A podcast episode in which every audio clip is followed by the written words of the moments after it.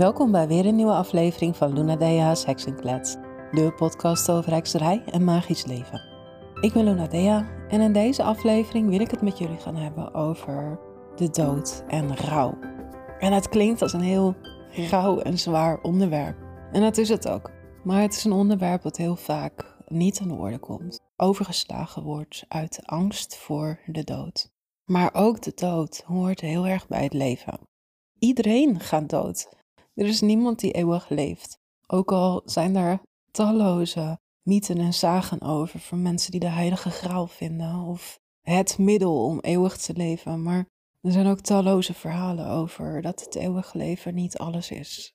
Dat het heel veel eenzaamheid brengt. En dat geeft ook wel aan hoezeer de dood nodig is, hoort bij het leven, hoe erg het ook is. Voor de nabestaan met name, want zelf merk je er als het goed is weinig tot niets van. Maar ik kreeg afgelopen week te maken met de dood, een onverwachte dood, heel onverwacht. En een hele goede vriend van mij, die ik echt al heel lang ken en ook bekend is in de heksenwereld, die is overleden.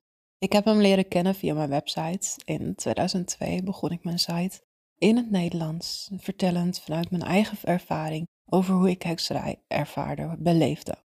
En hij was een van de eersten die mij een berichtje stuurde via mijn website. En een heel lang uitgebreid bericht over zijn jeugd. En hoe hij magie heeft ervaren in zijn jeugd. En zijn moeder dat altijd vreemd vond. Dat hij een ander, ander kind was, anders. En dat hij later pas ontdekte in de jaren zeventig. kwam hij Wicca tegen. En kwam hij ook in een Wicca-groep terecht. En begon jaarfeesten mee te vieren. En dat het toen al apart was dat, dat hij als man dat toestond en ervaarde. En benoemde ook. Maar dat hij nu zo blij was dat hij mijn website tegenkwam. En dat hij altijd in het Engels communiceerde met heel veel andere Engelse heksen. Maar nu zo blij was dat er ook eindelijk een keer een Nederlandse website was. En dat was die van mij. Nou, vanaf zijn eerste mailtje hebben we ja, elke week wel berichtjes heen en weer gestuurd. Mailtjes waren dat toen nog. Social media bestond toen nog niet. En hebben gemaild over onze ervaringen en zijn ervaringen ook in de Wicca-groep en de vieringen. Nou, vanuit zijn vertellingen over de vieringen ben ik toen in 2012, dus het is echt al lang daarna pas, ben ik gestart met openjaarfeestvieringen vieren. En hij was weer de eerste die daarop reageerde en zich aanmeldde voor jaarfeest. Dat was Inbok in 2012. En het was zo, zo leuk om hem toen eindelijk eens in het echt te ontmoeten. Om de oudere man. En nu blijkt dat hij eigenlijk helemaal niet zo oud was, maar hij zag er ouder uit. En hij was er altijd. Acht jaar lang hebben we, heb ik samen met mijn beste vriendin jaarfeesten gevierd. Niet alle jaarfeesten, maar wel veel. En hij was er altijd. En dan kwam altijd eerder om ons te helpen met opbouwen. En gewoon uit zichzelf. Niet dat we het gevraagd hadden, maar dat heeft hij gewoon uit zichzelf. Vond hij leuk. Ik denk ook zodat hij even een momentje met ons samen had. En uh, ja, dan praat je toch wat makkelijker. Die jaarfeesten gaven zoveel verbinding. Hij heeft zoveel verbinding gebracht in de heksenwereld. En hij was ook toen ik op Facebook ging in 2012, 13 of zo, was hij ook de eerste. En daar heeft hij heel veel andere, op de vieringen, maar ook via Facebook heeft hij ontzettend veel andere heksen leren kennen. Hij was altijd een overal. En twee weken terug of zo heeft hij een berichtje geschreven op Facebook dat hij kanker had. En tien dagen later was hij er al niet meer. Het is heel snel gegaan. En waarom vertel ik dit? Het is omdat het me heel erg aangreep, omdat het zo snel ging. En omdat toen ineens de vraag kwam van wat voor soort uitvaart had hij gewild. Hij woonde alleen, had geen familie meer, wel vrienden, maar het was eventjes heel onduidelijk allemaal van hoe gaat dit? En bestaat er zoiets als een paganistische uitvaart? En bestaat er zoiets als een hekserige uitvaart? En wat, wat houdt het dan in? En zou hij dat gewild hebben? Dan ga je toch ook aanvragen van hoe zou ik dat zelf willen? Bij de uitvaart van Henk waren uiteindelijk heel veel heksen. Ik kon niet, want ik lag ziek thuis op bed. Maar ik heb de uitvaart meegemaakt via de online uitzending. En ondanks dat, dat het niet direct paganistisch was ingestoken, want het was georganiseerd door zijn buren, super lief dat die zo betrokken waren, merk je alsnog dat er wel ceremoniële overeenkomsten zijn, zal ik het zo zeggen. elke ceremonie heeft ceremoniële overeenkomsten. Dus of het nou Wicca is, of paganistisch, of atheïstisch. Bij een uitvaart zijn altijd bloemen. Bij een uitvaart is altijd muziek. Bij een uitvaart staan altijd kaarsen aan. En er zijn altijd emoties. En dan heb je dus alle vier de elementen al. Aarde, de bloemen. Water, de emoties. Lucht, de muziek. En vuur, de kaarsen. Dus ook al wordt een uitvaart georganiseerd door familie of vrienden die niks weten van jouw levenswijze of van jouw wensen, de elementen zijn er alsnog. En het heeft een vaste structuur, een vaste volgorde, wat dus ook weer overeenkomt met een ritueel. Je hebt een begin, midden en een einde, je hebt een opbouw. En alle elementen zijn er altijd bij aanwezig. En dat vond ik gewoon een heel mooi besef.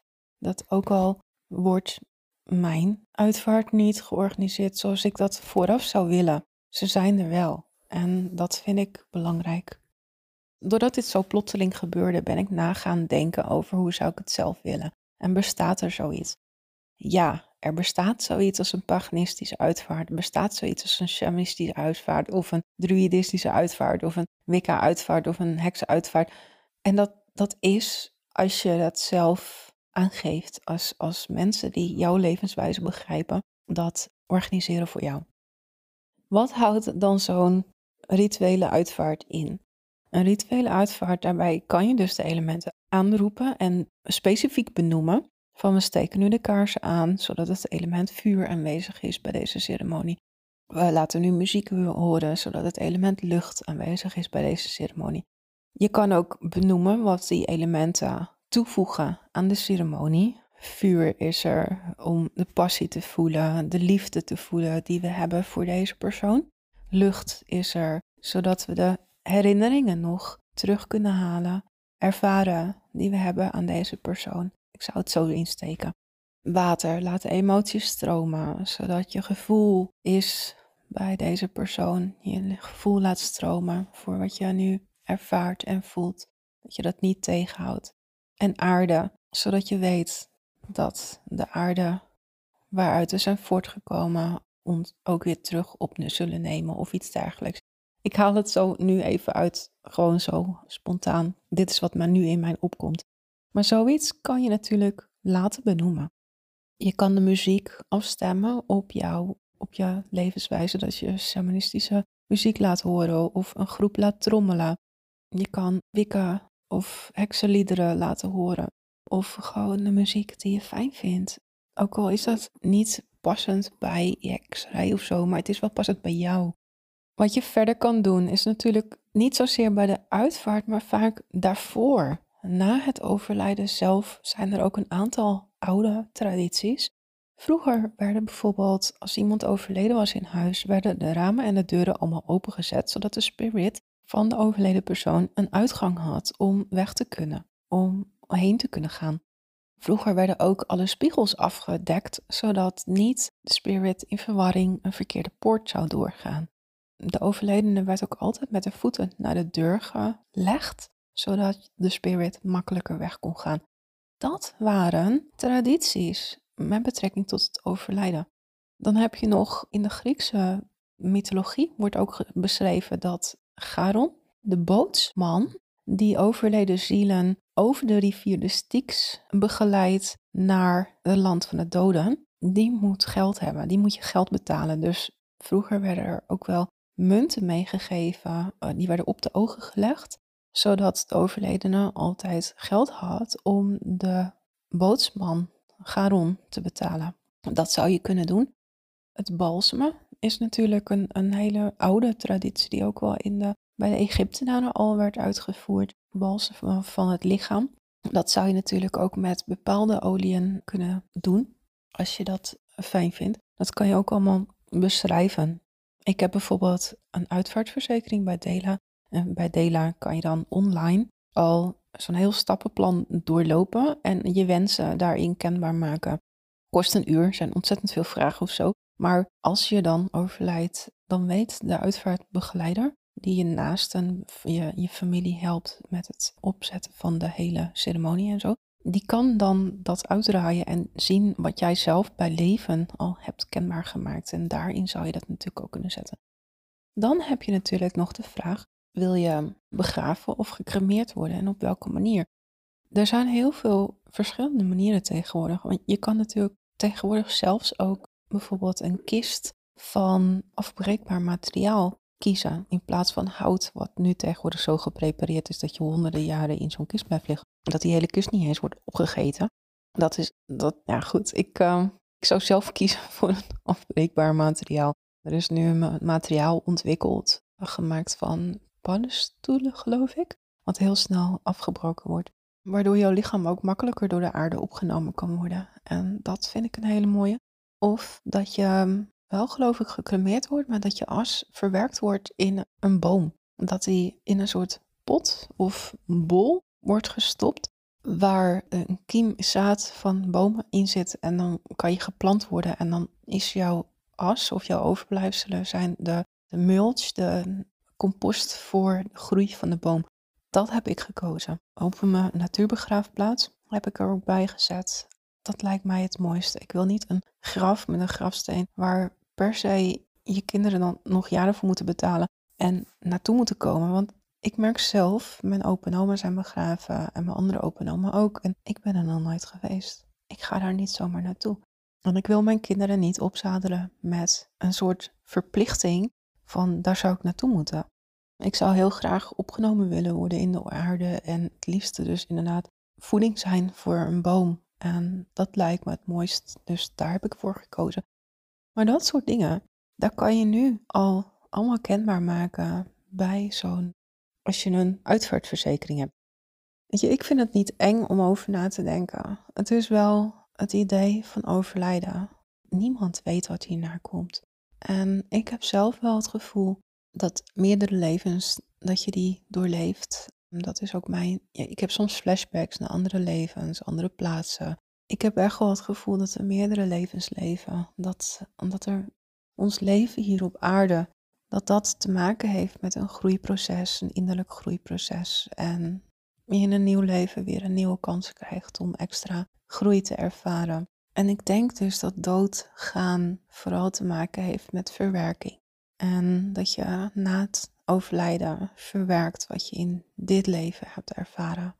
Natuurlijk is het vooral, ja, wat ik zei, vooral voor de nabestaanden. Een gemis, een verlies. En ik heb zoveel gehuild afgelopen week op mijn Henk. Ik weet dat het heel veel verdriet brengt.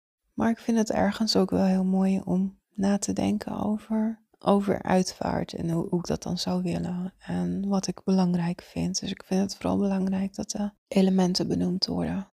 Dat ik zelf echt op een natuurbegraafplaats terechtkom en dat, ja, dat met die boom vind ik heel mooi. Dat ik vereeuwigd word, zeg maar, in, in de groei van een boom. Dat vind ik belangrijk. En hoe het voor de rest omkleed wordt, dat is echt aan de nabestaanden zelf. Ja, ik hoop vooral dat wat ik nalaat, dat dat een stukje kennis is. En in mijn boeken, in podcast, in mijn website, in de teksten die ik heb geschreven en gedeeld. Dat dat wat ik nalaat, dat dat wel blijft bestaan. Dat het niet verloren gaat wanneer ik er niet meer ben.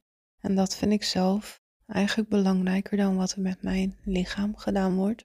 Want ja, in, in die kennis, in die, dat wat ik heb overgedragen, dat daarin vind ik meer spirit zitten dan, dan in mijn lichaam zelf.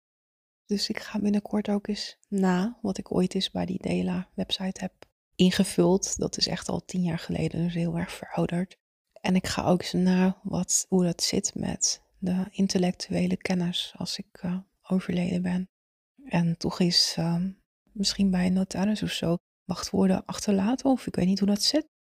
Ja, goed, als ik overlijd, wie gaat dan nog die website bijhouden? Of uh, dat het, zorgen dat het wel bewaard blijft, dat soort dingen. Dus dan moet ik nog eens achteraan hoe dat gaat. Maar ik vond het in ieder geval ja, weet je, het overlijden van, van Henk kwamen ineens heel veel van dat soort vragen ineens omhoog. Dat ik dacht, ja, het is echt wel belangrijk om daar bij leven al over na te denken en een stukje mee bezig te zijn. Om het ook voor je nabestaanden makkelijker te maken. Te weten wat jij wilde, hoe ze dat kunnen aanpakken. Dus dat wilde ik vandaag met jullie delen. En het is een zwaar onderwerp. En misschien heb je het helemaal geskipt. dat kan ook. Maar ik vind het wel mooi om, uh, om hierover na te denken. En ik hoop dat jij, uh, dat jij hier ook weer iets waardevols uit hebt kunnen halen. Dus dank je wel voor het luisteren en tot de volgende keer weer. Doei doei.